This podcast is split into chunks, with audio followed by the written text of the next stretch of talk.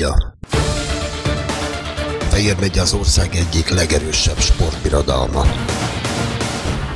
A FEOL sportpodcastja Fejér sport életével, sportolóinak, trénereinek, menedzsereinek mindennapjaival foglalkozik. A sport és Fejér megye, akkor FEOL Sport Podcast.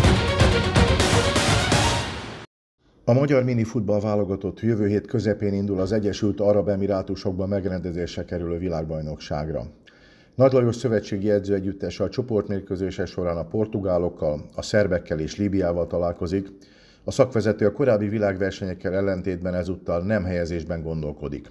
A Nemzeti Együttes 2017-ben a Csehországi Európa-bajnokságon bronzérmes, Két évvel később az Ausztráliai világbajnokságon a negyedik helyen végzett, ezek voltak a mieink legnagyobb sikerei. Nagy Lajos nagypályás karrierjéről, az edzői szakmáról, valamint természetesen a kispályán töltött közel egy évtizedről is beszélt a vele készített podcastben.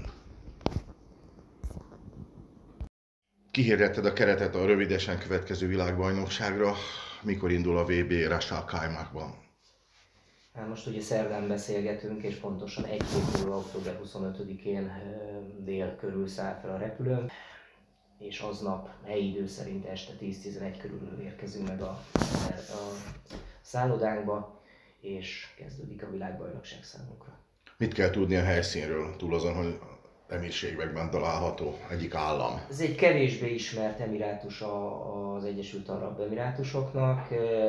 Nyilván azzal a célral adtak bele pénzt, és azért kezdték el szervezni, hogy turisztikailag jobban ismerté tegyék, és ne csak Dubaj jusson mindenkinek eszébe az emirátusokról.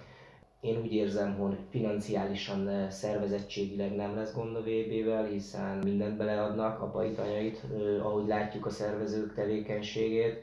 Mm, most már csak rajtunk múlik, hogy a, a magyar csapat hogy fog szerepelni.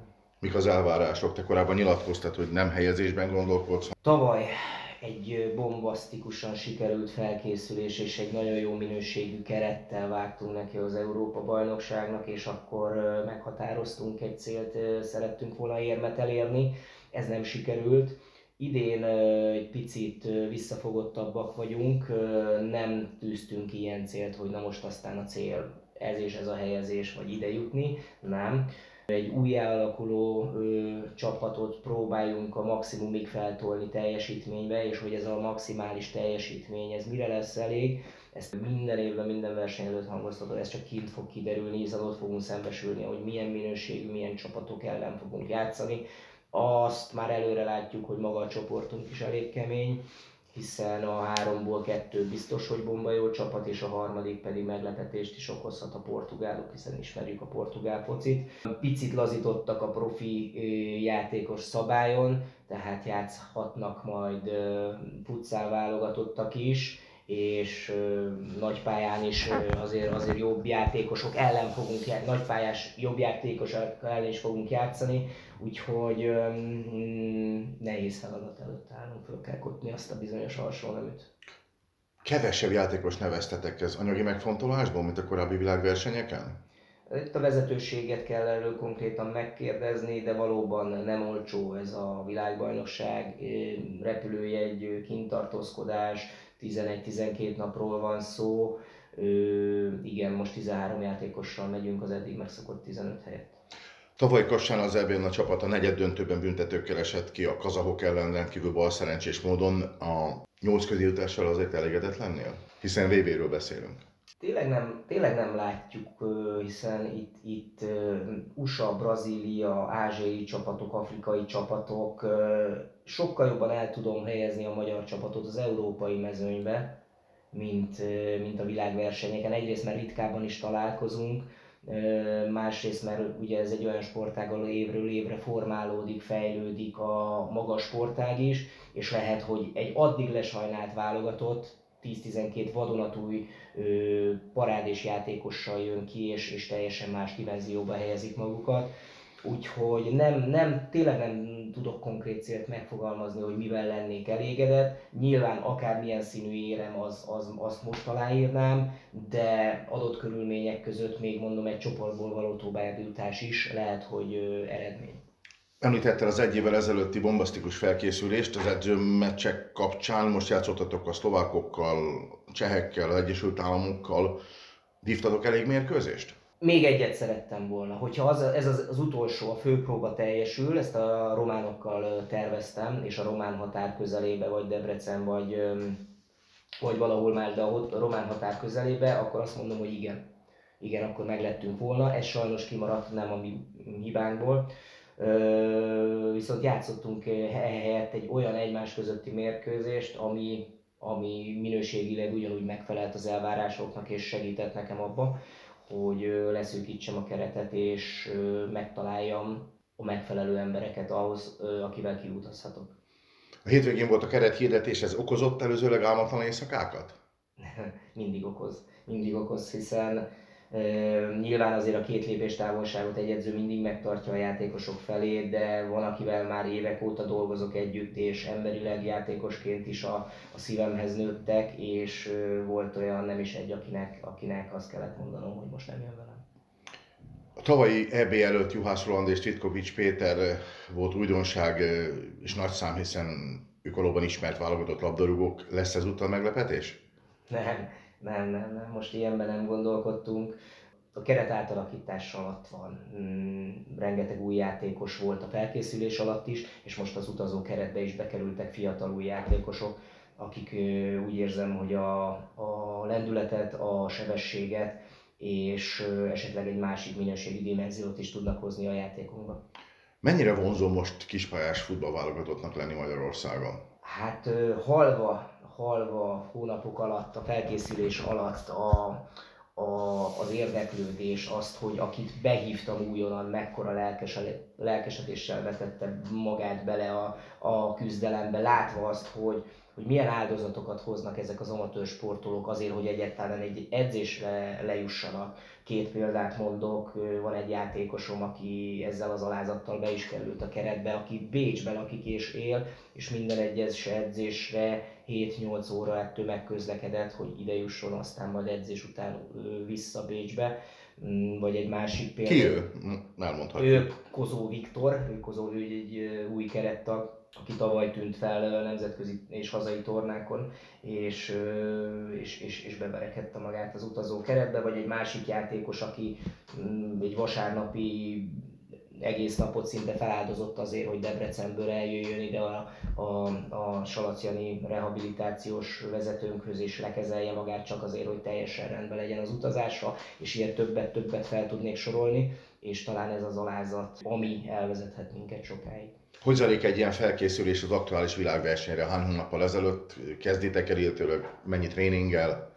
Januárban már elkezdtük az edzéseket, akkor még limitált számba, hiszen havi egy volt, és akkor tényleg csak felmértem a régi keret erejét, megköszöntem egy-két régi kerettagnak az eddigi munkát, és az új kerettagok feltérképezése, behívása, letesztelése volt porondon, és áprilistól váltottunk felkészülési üzemmódra, ott már havi két edzés szerepelt, nyártól havi három, és az utolsó mm, három hónapban pedig minden héten edzettünk egyet a Csepeli minifoci bázisunkon. Így tehát növekvő edzésszámmal, növekvő intenzitással, egyre több taktikai mm, variációval készültünk, és úgy, ahogy szokott lenni, útközben morzsolódtak le kerettagok, vagy én köszöntem meg nekik, vagy egyéb elfoglaltságra hivatkozva, ilyen ritkán volt, de mondták le, de jöttek közben újak is volt, aki a, a minifoci Final Four-ba tűnt fel, bár már ismertem, de ott, ott látszódott, hogy mennyire jó játékos jó ellenfelek ellen. Koptak is le játékosok, jöttek is újak, és így formálódott ez a nagyjából 30-as keret, ami három keretszűkítés után jutottunk el oda, hogy kijelöltem a 13 utazójátékost. Lassan tíz éve íródik ez a történet a minifutball kapcsán itthon. Két világverseny után, ahol szakmai vezető voltál, lettél szövetségi kapitány. Mik voltak ennek a lassan évtizedes múltra visszatekintő időszaknak a legszebb pillanatai? Hú, épp ezen gondolkodtam, hogy azért igen. Milyen jó kérdésem? Na, hát tökéletes kérdésed van, László. Profi vagy ebbe is, mint sok mindenben. Uh, igen, 8 éve, 8 éve, több mint 8 éve íródik a Minifoci Szövetség története, ahol uh, Tibor Dávid vezetésével megalakítottuk a szövetséget, és próbáltuk az 5 plusz 1-es amatőr kispályás labdarúgást országos szinten szervezetté tenni, a bajnokságokat összehangolni, országos bajnokságot csináltunk, és a válogatottat is kezdtük kialakítani. Valóban az első két évben inkább ilyen válogatott menedzser szinten működtem, mm, a válogatott és környéki ügyeket intéztem, és beletanultam magába a szakmába, hiszen én nagypályás edző vagyok, és a kispályás edzősködés szinte egy teljesen más szakma, de főleg az első évben, amikor Csernai Gabi volt a válogatott edzője, Horvátországi Európa bajnokságon is rengeteget tanultam tőle, nem véletlen, hogy amikor 17-ben kineveztek őt, kértem meg a segítőmnek, és vele, vele értük el az EB bronz sikert, de ez tényleg egy olyan műfaj, ahol, ahol, ahol nincs képzés. Tehát maga az élet adja meg a képzést, a rengeteg torna, a rengeteg edzés, amin részt veszel, folyamatosan tanulásra ösztönöz, és kapod is percről percre, óráról órára eltöltött minifociban azokat a dolgokat, amiket aztán kés- később hasznosítani tudsz. Említetted az EB bronzot 2017-ből Brunóval, két évvel később Ausztrálban, Perthben VB negyedik hely. Hova helyezed a polcokon ezeket az eredményeket? Ez mind a kettő fent van, fent van a, a felső polcon, tehát nem tudnék különbséget tenni. A 17-es bronz az egy kiugró siker volt, talán mondhatnám azt, hogy nem várt, és a 19-es VB pedig nem azt mondom, hogy ez várható eredmény volt, de benne volt abban a csapatban, talán ott még egy, egy utolsó lépés, hogy ott a bronzmeccsen mi nyerjünk, az hiányzott ahhoz, hogy igazán maradéktalanul boldogok lehessünk. A nagypályás futballban, amely országok kimagaslójuk, nem feltétlenül jók a kispályán.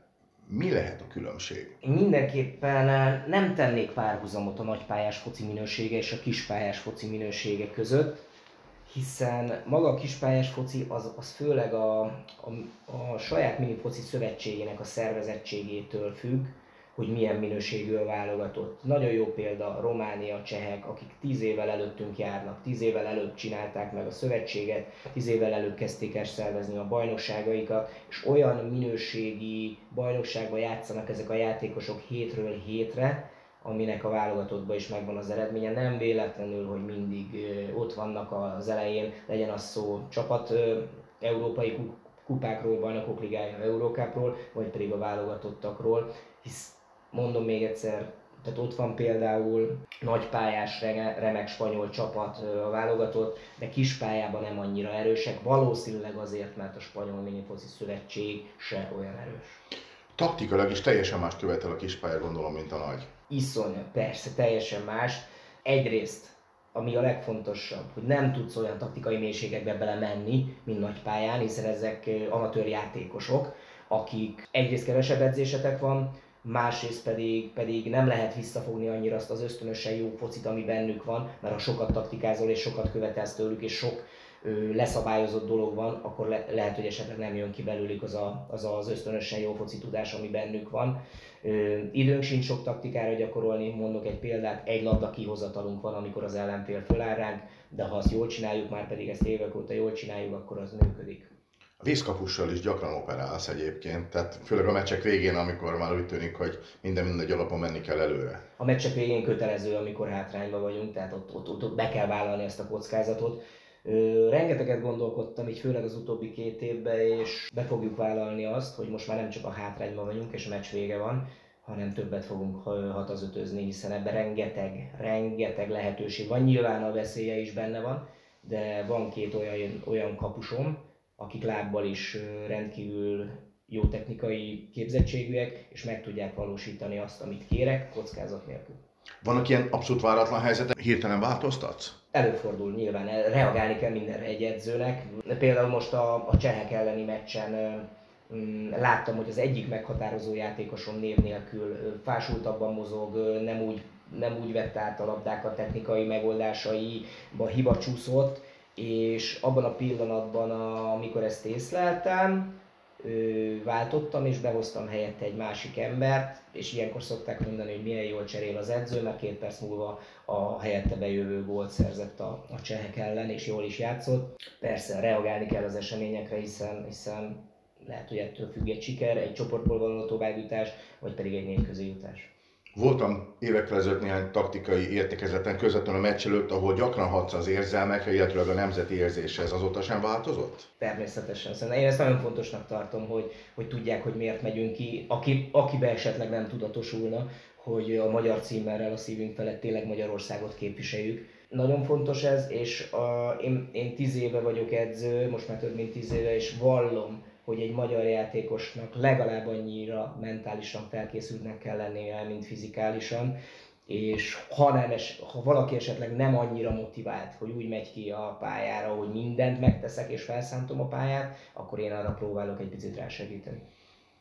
Amatőr sportág, ezt mondta az elnök és Tibor Dávid, és te is említetted, ezzel együtt is van például scoutoltok, figyeljétek az ellenfeleket, adott esetben taktikát dolgozol ki ellenük? Tehát van idő feltérképezni őket?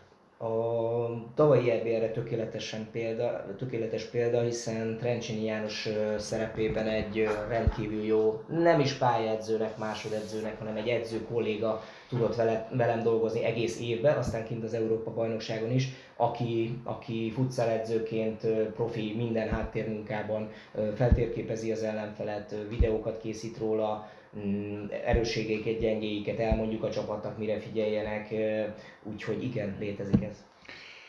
Nagypályás edzőnek vallod magad a vidi utánpótlásában dolgozó, most melyik korosztályjal?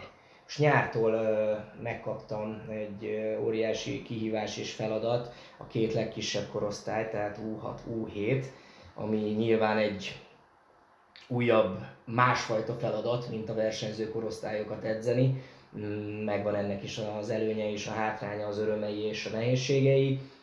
Belevetettem magam ebbe a munkába is, és mondhatom azt így három hónap után, hogy élvezem. Mennyire nehéz átállni a nagypályáról kispályára, aztán utána vissza? nagyon, nagyon. Ugye van olyan, ugye keddenként edzünk a válogatottal, kedden a gyerekekkel edzek egyet, és utána rohanok fel és a válogatottal edzek egy. Bár most nem annyira, amióta lekerültem a kiskorosztályokhoz, hiszen ott is kispályán edzünk. De például a különbség az nagy itt is, nyilván más kell edzeni itt, más kell edzeni ott, de, de azért át kell állítani az agyamat. Most már azért talán elmondhatom nagyképviség nélkül, hogy, hogy kifejlődött bennem az a kapcsoló, hogy amikor úton vagyok, akkor ez a kapcsoló átfordul, és, és már, már másba tudok gondolkodni. Most jutott eszembe, hogy tehát nagypályán kisgyerekekkel, most pedig kispályán nagygyerekekkel. Tehát a kocsiban ott trenírozod magad, hogy nehogy nagypályás elemeket például a kispályás tréningen próbálja bevetni? Hát azt nem ott találom ki hirtelen a gyakorlatokat, tehát nyilván az előre meg van tervezve, hogy pontosan mire kell gyúrnunk. Például a csemecs után két dolog nagyon nem tetszett, azóta ezt folyamatosan edzéseken gyakoroljuk, és az nem ott derül ki a 7 órás kezdésnél 6.50-kor, hogy mik lesznek a gyakorlatok, előre meg kell tervezni, már aznap délelőtt látom a létszámot, hányan leszünk, mit kell csinálni, mire kell gyúrni, mit kell még erőltetni. Nem, nem fordulhat elő, hogy összekeverem a kettőt. Közel két évtizedet töltöttél a magyar futballban, a profi labdarúgásban. Mindig focistának készültél? Nem tudtam elképzelni mást gyerekkoromban, mint hogy én focista legyek. Természetesen ilyenkor jön a szokásos történet, hogy a szülők tanulás, továbbtanulás, aztán mellette esetleg a foci.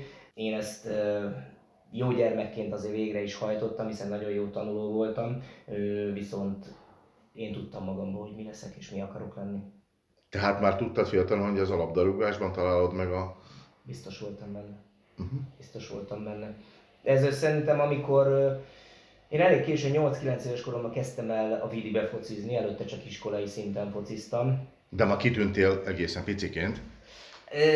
Mondhatni igen, igen, igen, mondhatni igen, és amikor realizálódott ez bennem egyrészt, hogy én a Vidibe egy ilyen komoly klubba utánpotlásába pallérozódom, jöttek a bajnokik, talán azt mondhatom, hogy 12-13-14 éves koromban én ezt már tudtam. És folyamatos volt a fejlődésed, még nem bemutatkoztál 95-ben a Parlat nevű együttesben, akkor az élvonalban? Itt a Vidibe a korosztályomnak a legtehetségesebb játékosa voltam talán még Véri Zsoltot, Drazsét tudnám magam mellé állítani, aki bár egy évvel fiatalabb, de egy korosztályban játszottunk sokat, és, és ketten mondhatom azt, hogy kiemelkedőek voltak, de mondhatnám az én korosztályomból Toldi Gabit, aki, aki ugyanúgy NBA 1-es játékos lett. Sajnos nem lettem utánpótlás válogatott. Nem voltál soha?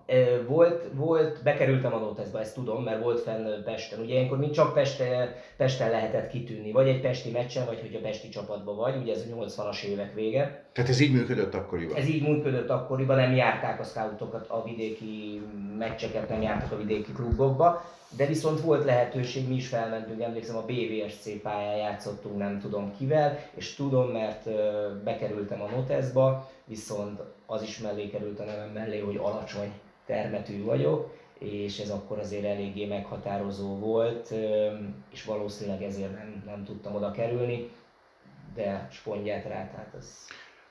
A felnőtt karriereddel elégedett, vagy, vagy marad benned hiányérzet? Azért maradt bennem hiányérzet.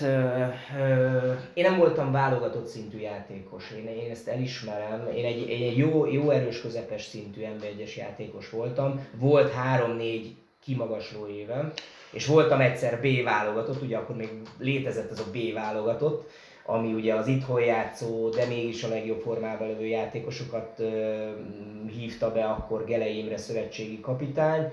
Ciprus ellen játszottam az ülői úton, ott tudtam játszani egy, egy mérkőzést ebbe a B válogatottba. Emiatt nincs hiányérzetem. Viszont amiatt van, hogy kétszer voltam súlyosan sérült, és mind a kétszer jó formában voltam, és a sérülés miatt közel egy év mind a kettőnél kimaradt. Azt mondtad, hogy közepesen egyes futbolista voltál, ennek ellentmond Bozsik Péter, akivel bajnoki nyilmet nyertetek Zalaegerszegen, hiszen ő azt mondta, hogy te egy nagyon jó ember egyes futbolista voltál. Petit imádom és tisztelem is, úgyhogy valóban az a, az a az a, főleg a bajnoki évem az ott kimagasló volt, hiszen egy bajnok csapatban tudtam meghatározó játékos lenni, aki, aki tényleg beletette a részét a, a bajnoki aranyérembe és utána is volt még egy-két jó évem ott Zalaegerszegen. Kölcsönösen kedveljük egymást Pozsik Péterrel, és szerintem szakmailag is elismerjük egymást. Köszönöm, hogy ilyen véleménye van. Nyolc évet töltöttél Zalában visszagondolva, nagyon nagy idő most egy Évan futbolista életében egy helyen, ráadásul nem is a szülővárosod, nem is a nevelőegyesületed, mégis talán ott esettél ki igazán.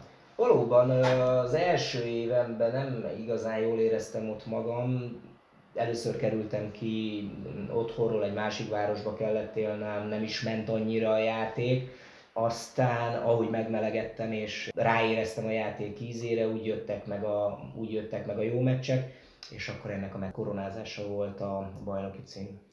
Játszottál Vidiben két szakaszban, a Gásszerben csapatkapitány is volt el erre az időszakra, hogy emlékszel? Fehérváriként a Vidi nekem mindig is a szívem csücske, utánpótlást végigjártam a ranglétrát, igen, itt lettem először nehéz is kimondnak, 1995-ben NB1-es játékos, aztán nyilván fiatalként még tudatosult bennem, hogy nem vagyok teljesen érett az MB1-re, ezért elmentem a Gásszerbe, akik hívtak MB2-be, életem legjobb döntése volt, hiszen végigjátszottam azt a másodosztályú szezont, jól is ment a játék, megnyertük az MB2-t, egyből feljutottunk MB1-be, nagyon jó társaság volt Telefehérvárival. Életem egyik legboldogabb időszaka van, volt a, a, a futballt illetően. Nagyon-nagyon szerettem ezt. Siófokon is éveket töltöttél szintén az élvonalban. Ott három évet voltam az Zalaegerszegi nyolc év után.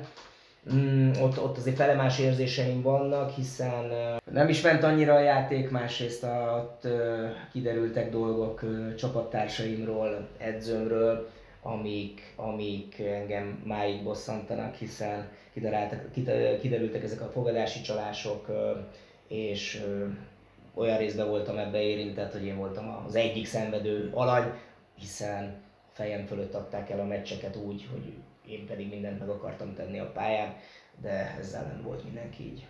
Játszottál még Cegléden a második vonalban, az már levezetés volt, de aztán futballoztam még Biatorbágyon, az MB3-ban, illetve az Obos Hárvíznek is voltál igazolt futballistája.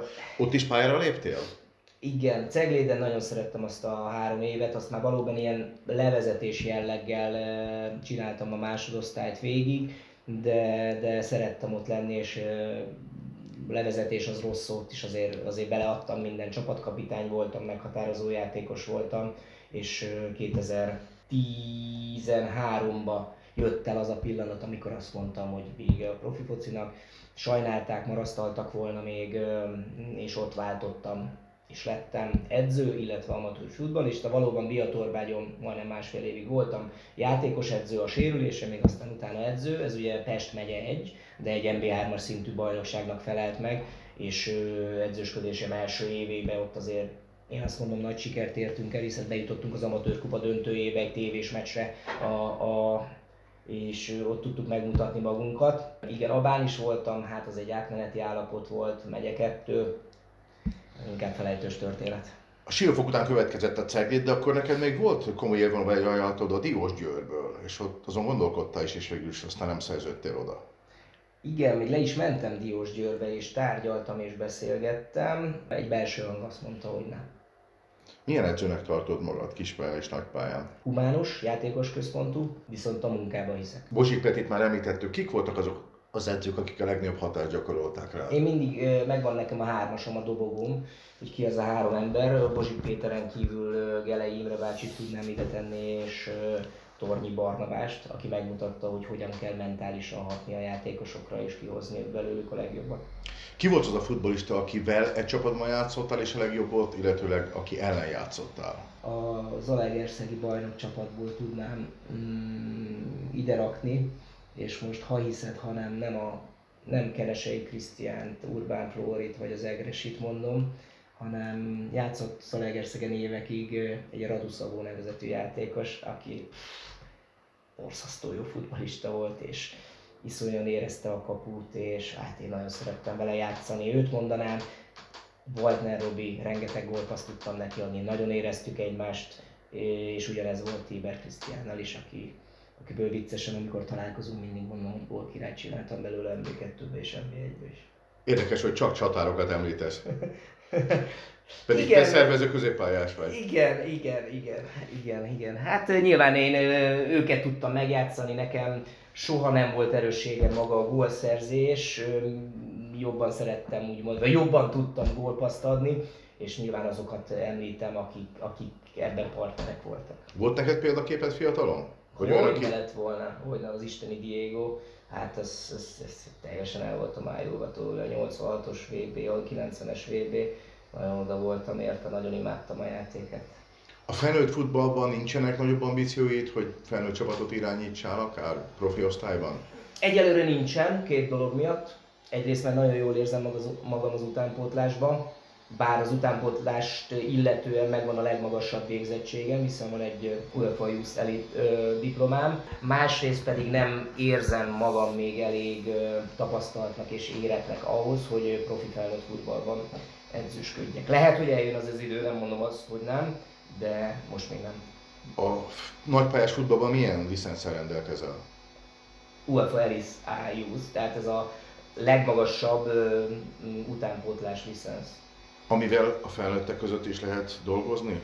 Akár profi Pontosan nem tudom, ö, talán azt a MB3-ban lehet felett, de nem vagyok benne. Biztos MB1-ben szerintem nem. Ahogy abba hajtod, bemaradtál a futball körforgásában. Fejlődött a magyar labdarúgás nagypályás szinten? Hát nézd meg a válogatottat. Én úgy gondolom a bajnokság színvonala is fejlődött. Jó a 12 csapat, úgy gondolod? Hmm, ebbe nem akarok belevenni ebbe a vitába, nyilván vannak pro és kontra érvek, de maga a színvonal én úgy gondolom, hogy lépett előre, még ha nem is nagyot. És a válogatottat pedig mindenki látja és meg kell nézni, nyilván ehhez kellett egy parád és karizmatikus szövetségi kapitány, aki, aki félig meddig már az én példaképen is. Jársz a meccsekre, amikor időd engedi? Amikor időd engedi, igen. Mindenki tudja. Fehér megy az ország egyik legerősebb sportbirodalma.